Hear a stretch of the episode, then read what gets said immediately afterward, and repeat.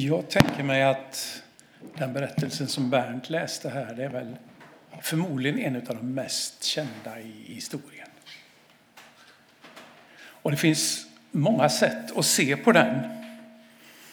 Ibland blir den väl lite gullig och söt. Men ser man närmre på vad som händer så kanske det inte egentligen är så gulligt. Men jag tänkte närma mig den här berättelsen utifrån två ord. Och det är orden visa och uppenbara. Och då tänker jag uppenbara ungefär som i Uppenbarelseboken. Det är alltså att något dolt som visar sig, det vi inte hade en aning om. Det är för oss helt okända, det visar sig. Det är så jag tänker med ordet uppenbara här. Men visa, då tänker jag mig mer som att eh, det är någonting som vi redan vet om som visar sig för oss. Men vi ser det inte. Det är ungefär som om jag skulle höra någon som kommer och går där ute. Då vet jag ju att det är någon där, men det är inte förrän det kommer runt hörnet som det visar sig vem det är. Och när vi läser texterna kring julen så möter vi ett myller av, vi har hört några av dem här, men det är ganska många personer som är indragna. Och tittar vi på de personerna så kommer vi se att saker uppenbaras för dem som de inte hade en aning om. Och sen när händelser går vidare så visar det sig att mycket av det som har sagts till dem, det stämmer. Om vi börjar med Maria så uppenbarar ju sig en ängel för henne. Hon hade ingen aning om vad som skulle hända. Och ängeln hade ju säkert ett ganska omskakande budskap för Maria. Hur reagerade hon? Men sen visade det sig att ängeln hade, tal, det ängeln hade talat med henne om, det kom att ske. Hon blev gravid, det blev väldigt tydligt. Och på samma sätt var det för flera andra av de inblandade. Lukas berättar också om Sakarias. Ni vet vem det var? Johannes döparens pappa. Han var präst och skulle tända rökelseoffer i altaret i templet. Och helt plötsligt så uppenbarar sig en ängel, något som man inte kunde tänka sig innan alls. Och ängeln talar med honom och säger att han och Elisabet ska få en son, vilket var ganska otroligt eftersom de var gamla också. Man trodde att hon var ofruktsam. Men det visade sig sen att det stämde. Och det blev till och med så, om ni kan berättelsen bra, att bara för att inte Sakarias litade på ängeln direkt så blev han stum, sa ängeln, ända tills Johannes föddes. Och det visade sig stämma också. Josef, som inte Lukas berättar om, men som Matteus berättar om. Han var ju trolovad med Maria. Och när han blev medveten om att Maria var med barn, de hade alltså inte gift sig, inte flyttat samman än. Då ville han skiljas från Maria. Men då uppenbarar sig en ängel som han inte kunde tänka sig på något sätt. Den här uppenbarar sig för honom, förklarar vad det är som är på gång. Och efterhand så visar det sig för Josef att ängels ord stämmer. Och lite längre fram i berättelsen, eh, om vi hoppar förbi den här kvällen och fram när de vise männen kommer, så talar ängeln en gång till till Josef. Och vad säger han då? Jo, fly, ge dig upp, fly till Egypten. Därför att Herodes hade tänkt att döda barnen.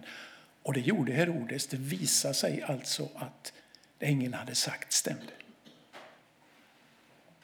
Och så fanns det ytterligare en grupp personer som änglarna uppenbarade sig för. Och det var ju herdarna som vi hörde om här. När de är ute på nattskift, inte kan de tro att Gud väljer att tala rätt till dem. Men änglarna dök upp, berättade vad som hade skett inne i Betlehem och uppmanade dem att gå och titta. Och det visade sig att det stämde. Vi ska få höra en sång som berättar den här berättelsen en gång till, fast ur ett lite annat perspektiv, ur en herdes och ett lams perspektiv.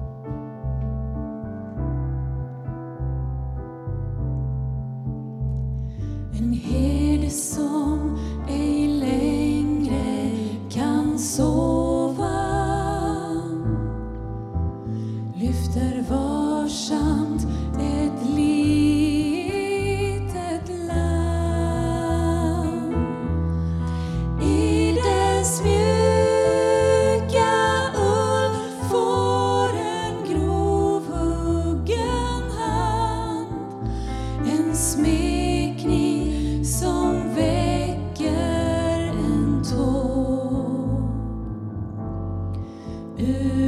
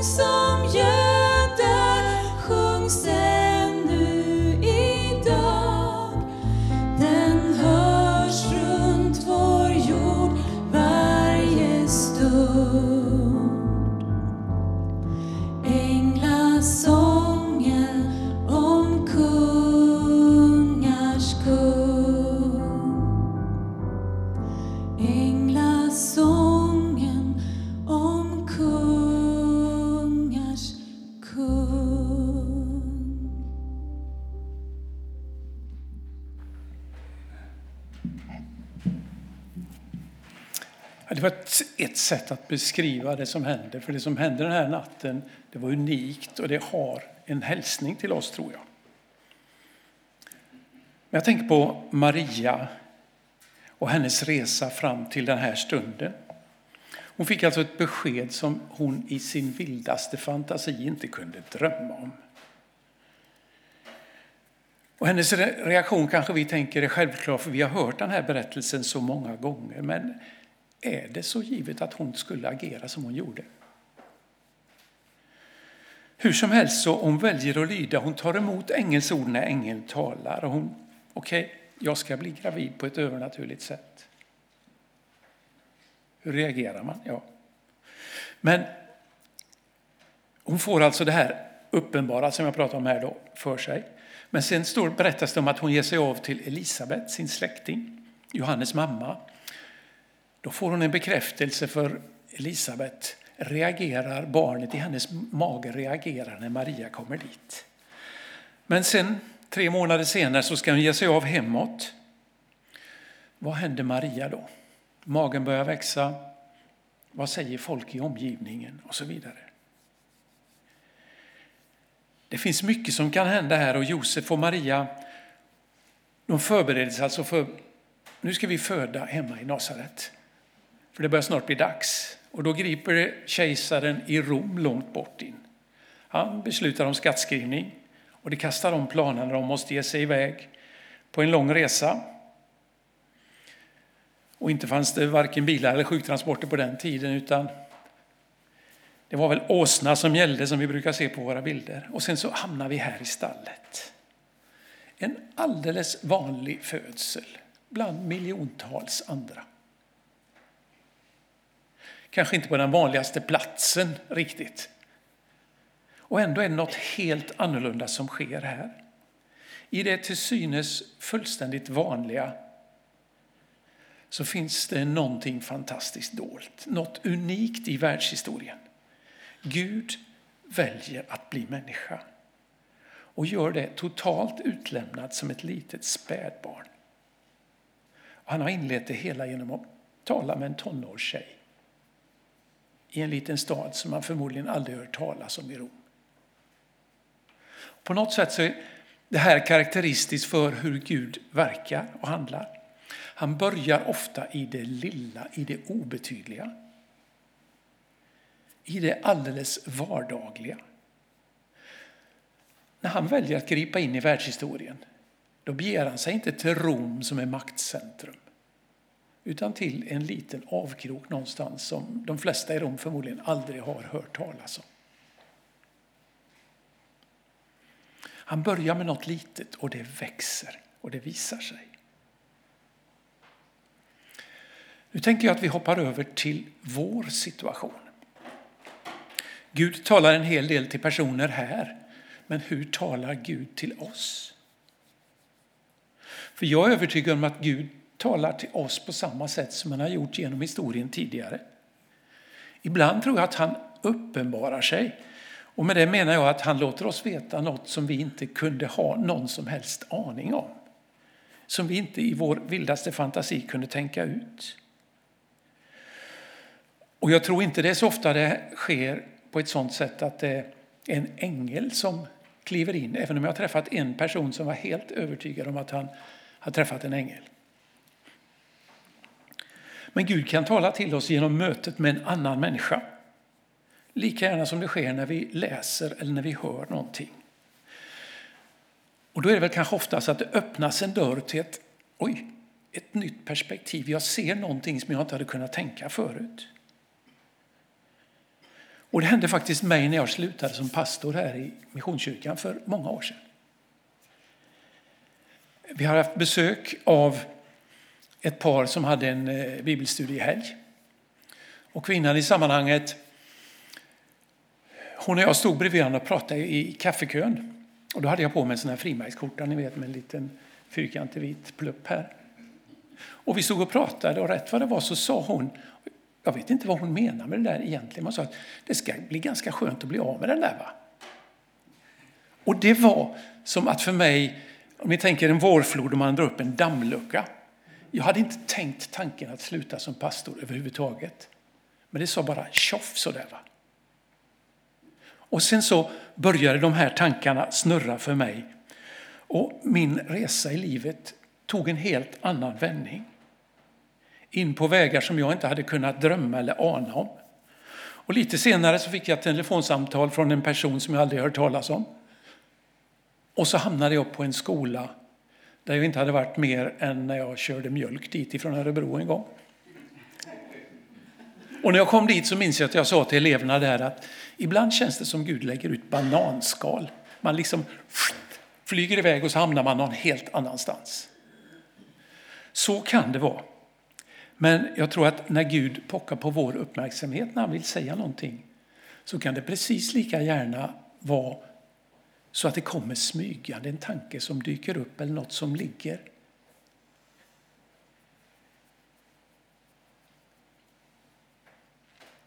Det kan ju vara så här som jag tror många av oss har varit med om att jag kommer att tänka på en viss person nu och så kanske jag ringer. Och så visar det sig att åh vad skönt att du ringde. Efter samtalet så man landar precis rätt. Eller kanske är det någon som ringer till mig istället när jag är nere i sånt där. Jag tror att väldigt många av oss har varit med om det här och jag tror att Gud är med och verkar i det här. Och jag vet inte hur du tänker kring det här med att Gud talar till oss. För i texten så har vi ju sett att Maria hon fick vara med om det totalt oväntade. Och för Josef där blir det en förändring i hans vardag. Det är någonting som händer som förändrar vardagen. I hans fall då att den som han är trolovad med är gravid trots att de inte har varit tillsammans. Och det vrider ju om perspektiven ganska rejält. Herdarna, tänker jag, de är på jobbet. Och där händer någonting. Jag tror att Gud kan göra någonting på jobbet som gör att oj, här händer någonting. Att han kan tala i alla situationer.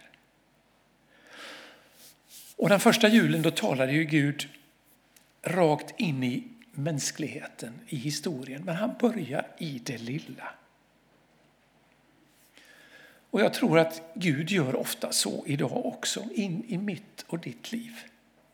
Det är kanske inte de stora märkliga orden, att vi hör inte en röst där Gud säger någonting, men han vill pocka på och säga någonting till oss.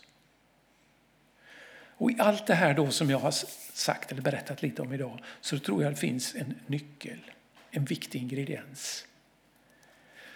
Och det handlar om attityden hos de personer som vi har hört om. Vad var den? Jo, de var uppmärksamma. De lyssnade. De var vaksamma. Lyhörda för det som hände. Och det beskrivs väl väl av Maria med de orden som beskriver, hon hade hört herdarna berätta ytterligare en bekräftelse för henne om att det stämde. Och vad säger Maria? Eller vad, hur beskriver Lukas Maria? Jo, Maria tog allt detta till sitt hjärta och begrundade det. Hon funderade på vad det var hon har varit med om. Vad hade situationen att säga till henne? Och på samma sätt så skulle jag vilja uppmuntra dig till att vara lyhörd, lyssna och fundera på vad kanske Gud säger till dig, till mig. Och det här var ett ganska jordnära perspektiv på det som händer på jul. Om du orkar så är du välkommen till Elimkyrkan imorgon klockan 11 så ska vi ta ett lite mer himmelskt perspektiv på vad som hände på julen. Låt oss be. Gud, tack för att du genom dina profeter signalerade att någonting ska hända framöver. Men när det händer så var det inget stort som hände ur våra ögon sett, utan du började i det lilla. Och på samma sätt Jesus, när du valde att verka i världen så valde du tolv personer för att förändra världen. Vilket vi kan tycka är konstigt. Du började i det lilla. Jag ber dig bara Gud att du ska låta oss vara vaksamma för vad som händer i det lilla. Vad du vill säga till oss idag. Amen.